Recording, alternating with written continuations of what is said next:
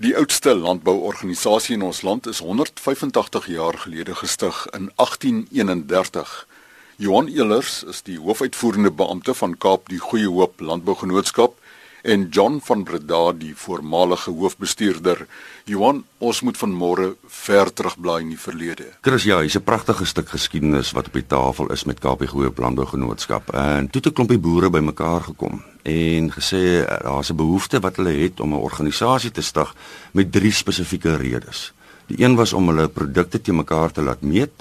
Tweede ene was om pryse toe te ken aan die beste produkte En interessant genoeg die derde een was vir gesellige samesyn. En dit is ook so vervat in daai eerste agenda van of notule van hulle. Nou dit is hoekom hulle die Kaapie Goeie Planbougenootskap gestig het op 29 November 1831. So daar was 'n wonderlike tyd gewees. Ons het begin skou destyds op die parade. En wat vandag nog belangrik is is dat ons die eerste wynskou aangebied het. Ons het eers by die parade geskou met vir so omtrent 10 jaar. Ehm um, ons het daai ons eerste suiwelskoue gehad en toe daarna is ons oor na die paddocks toe bo in die tuine. En dit was vier kampies gewees vir uh, Sir George Grey se perde wat hy toe vir ons beskikbaar gestel het waar ons daai tyd uh, toe verder aangegaan het met, met die skoue. Daar was uh, 'n groot soektog op 'n stadium vir om om 'n tuiste te kry. Maar uh ons was bevoorreg geweest om uh seker kom ons noem dit deur kontakte op daai stadium by uh Cecil John Rhodes uit te kom. Toe die manne hom die eerste keer besoek, toe sê hy ek ek wag al lank al vir julle. Ek weet nie hoekom julle so lank gevat het om hier uit te kom nie. En hy het toe 'n skenking aan die genootskap gemaak van wat later bekend was as die ou Rosebank skou. Want dit was 'n deel van sy landgoed wat hy kon afstaan. Want ons het daai grond weer teruggegee aan die Aitjies toe hulle moes uitbrei. En hy was fisies president van die genootskap op daai stadium gewees. Ja, interessant dat jy nou dit nou noem. Die van Breda het nog al 'n taamlike geskiedenis gehad. Hy was burgemeester van Kaapstad. Hy het eh, Breda stad opgestig. Hy het die eerste marinebroer, maar hy het was die eerste president van Kaapie Goeie Landbegenootskap. Toe daar toe hulle by Rhodes gaan rondloop het, was daar weer van Breda 'n sekretaris van die besigheid. Maar John, jy praat nou van die eerstes en ek dink dit is belangriker is uh daar was baie eerstes gewees vir die genootskap. Um en veral hier in die laat 1800s het die mense gewerk op petisies om iets reg te kry. En een van die belangrikste petisies was gewees in in 1884 uh, waar die genootskap dan besluit het dat landbou is 'n bietjie de mekaar mense praat te veel los en vas en daar word te veel verskillende dinge gedoen en die goed moet georganiseer word. En die genootskap het 'n amptelike petisie aan die regering deurgegee om landbou georganiseer te kry. En dit is hoe die departement van landbou amptelik uit die genootskap uit ontstaan het weens daai petisie en in 1886 gestig is. Maar daarmee saam was daar 'n ander petisie gewees vir 'n proefplaas en dit was in 1884 gewees. So is die Elsenburg uh proefplaas destyds begin. Maar vir my is een van die mees interessante komponente die feit dat ons nie opleiding gehad het in landbou daai tyd nie. En ook weer eens na aanleiding van 'n petisie wat die genootskap begin het in 1888, is 'n 2 jaar diploma by die ou Victoria College hier op Stellenbosch begin. Dit het oorgegaan na die amptelike Elsenburg College soos wat ons hom vandag ken. So dis drie baie sterk entiteite van Elsenburg, die proefplaas, die college en die departement van landbou wat uit hierdie genootskap ontstaan het. Gelukkig het daar deur die jare altyd 'n verbintenis gebly. Maar nou moet jy onthou daar was ook oor daar nie georganiseerde landbou as sulks was nie. Het die genootskap daai gedeelte van algemene landbou volgestaan. En ons kan met trots sê dat uit ons uit het georganiseerde landbou toe gegroei wat ons vandag almal na opkyk en mee saamwerk. Ja, en ek dink dit is baie spesiaal die verhouding wat ons vandag met die departement van Landbou Weskaap spesifiek het. Ons het 'n redelike noue verhouding met hulle en baie ooreenkomste is in plek. Maar daar is vir my 'n klomp goedes wat uit daai tyd uitkom wat vandag nog aan die gang is. Um ek dink byvoorbeeld aan die eerste fondse wat deur die regering beskikbaar gestel is en dit was in 1858 John ja. waar die regering uh, 400 pond destyds beskikbaar gestel het aan die landbougenootskap om te versprei om ander skoue op die been te bring. En dit is hoe die skoue op George en Caledon en Swellendam begin is. En dit het deurgeloop tot in 1994. Ja.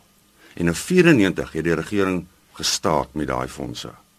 En dis dit 'n lewensaar en daar het Agri Expo weer Ja, begin. daar daar het ons toe ons is, het toe intussen uh al ons veranderings begin maak en ons was in die posisie om toe te sê maar luister al julle uh ledeskoue soos hulle- ons het dit genoem het dis nou ons platlandse skoue ons gaan nou instaan as 'n borg omdat julle ontsê is van die van die van die kom ons noem dit die staat se uh jaarlikse toegif het hierdie borgskappe toe ontstaan en dit is uh, ook op 'n op 'n stelsel gebaseer van hoe goed daardie skou sy skou aanbied en dit het deurlopend gegaan tot nou toe. Ja, die die die primêre doel van waar ons vandag is Agri Expo en ek kan net sê dat ons in uh, 1996 die bemarkingsnaam Agri Expo gevestig het. En die primêre doel vandag is suiwer net om die beeld van landbou te bevorder. So ons het nog 16 skoue wat ons finansiëel ondersteun daar buitekant in die platteland en dit gaan oor hoe hulle landbou bevorder. Maar ander belangrike komponente van wat vandag nog daar is wat uit die verlede uitgekom het is uh byvoorbeeld in 1903 het die genootskap begin om diere op te teken en in 1905 is daar 'n vergadering gereël deur die genootskap met 'n verskeidenheid van uh instansies op daai stadium en ons het amptelik stamboek gestig. Nou ons weet waar SA stamboek vandag staan, so dit kom ook uit hierdie organisasie uit. En dan 'n ander komponent wat vandag baie baie sterk staan is byvoorbeeld die renperdveilings. Ons bied vandag sewe renperdveilings aan reg oor die land van Emperor's Palace tot in die Kaapstad Internasionale Konferensiesentrum. Maar daai perdeveilings het vir die eerste keer plaasgevind in 1928. Het ons die eerste renperdveiling aangebied. En ons weet wat 'n sterk landboubedryf die renperdveiling in die Wes-Kaap vandag is. Dis waar. Toe daai veilinge op op Goodwood gehou is, het daai perde nie met vragmotors ingekom nie, hulle het per trein gekom na die seilyn toe. En dan word hulle daar afgelaai. En dan uh word die veiling nou gehou waar ook al uh, gewoonlik in die groot hoofsaal en so. En die stalle word gebruik en dan die kopers wissel en dan gaan hulle maar weer per trein, gaan hulle weer weg van. Daar was nie so 'n vervoerstelsel gewees wat bestaan het soos dit nou ek ben is nou baie georganiseer 'n vergelyking daarmee. Terwyl ek by die by die seilyn is, kan ek net noem is interessant toe ons op Rosebank geskou het, het alle diere per trein gekom. Dan sit by die Rosebankstasie, daai stasie is ook die langste stasie op die suid suidlyn gewees. Dan is die diere daar afgelaai, dan is hulle oor die hoofpad gelei en op in die, uh, na die skouterrein toe.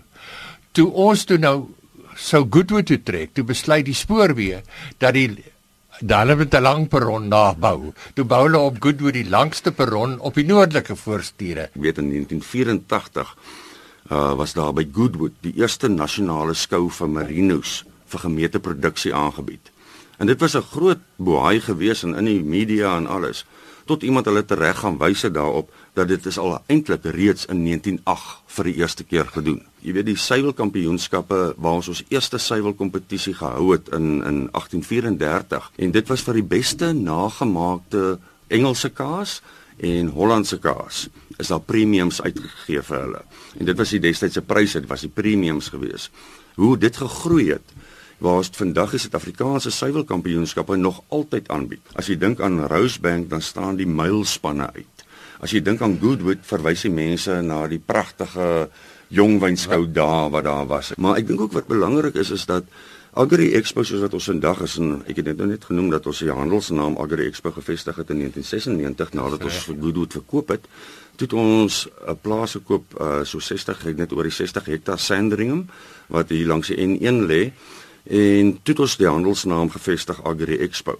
En vandag funksioneer ons net op die behoeftes van die bedrywe soos wat dit geïdentifiseer word daar. Dit spreek ons aan. Daar's sekere komponente wat nie gewoonlik by 'n genootskap tuis hoort nie. Dink byvoorbeeld aan die bewaring van die oeverkonyn waar ons saam met die WWF hande gevat het.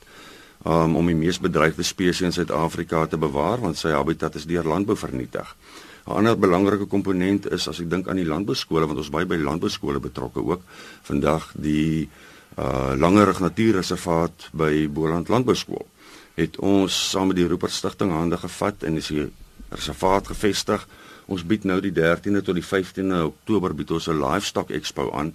Die Agri Expo Livestock hier op Sandringham wat absoluut ontstaan het uit die behoefte van die suiwelbedryf uit om 'n suiwer suiwelskou te hê. En dit is wat ons doen. daarmee het ons nou saamgebring die rooi vleisbedryf met die Angus. Maar ons vat landbou en ons skep 'n internasionale standaard platform om landbou te mekaar te laat meet, maar dan is dit die belangrike komponent om daai waardeketting na die verbruiker toe te vat. Ons is vandag ook lid van die Royal Agricultural Society of the Commonwealth.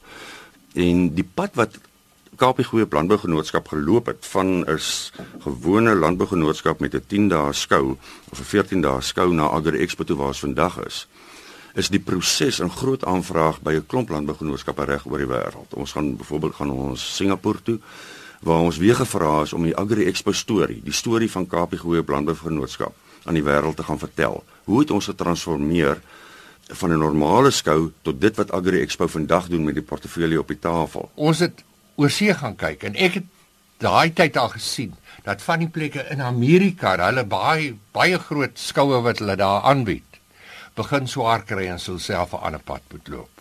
En ons was gelukkig dat ons 'n voorbeeld in ons eie land gehad het van groot skoue wat pragtige nuwe gronde gekry het, maar hulle kon toe nie heeltemal die ding meer laat werk nie en daar was die tekens van die tye was daar dat daar moet verandering kom en ek dink die manier wat Agri Expo dit aangepak het was die ideaal. Ons is dus in die gelukkige posisie om vandag terug te kyk na 'n pragtige suksesverhaal.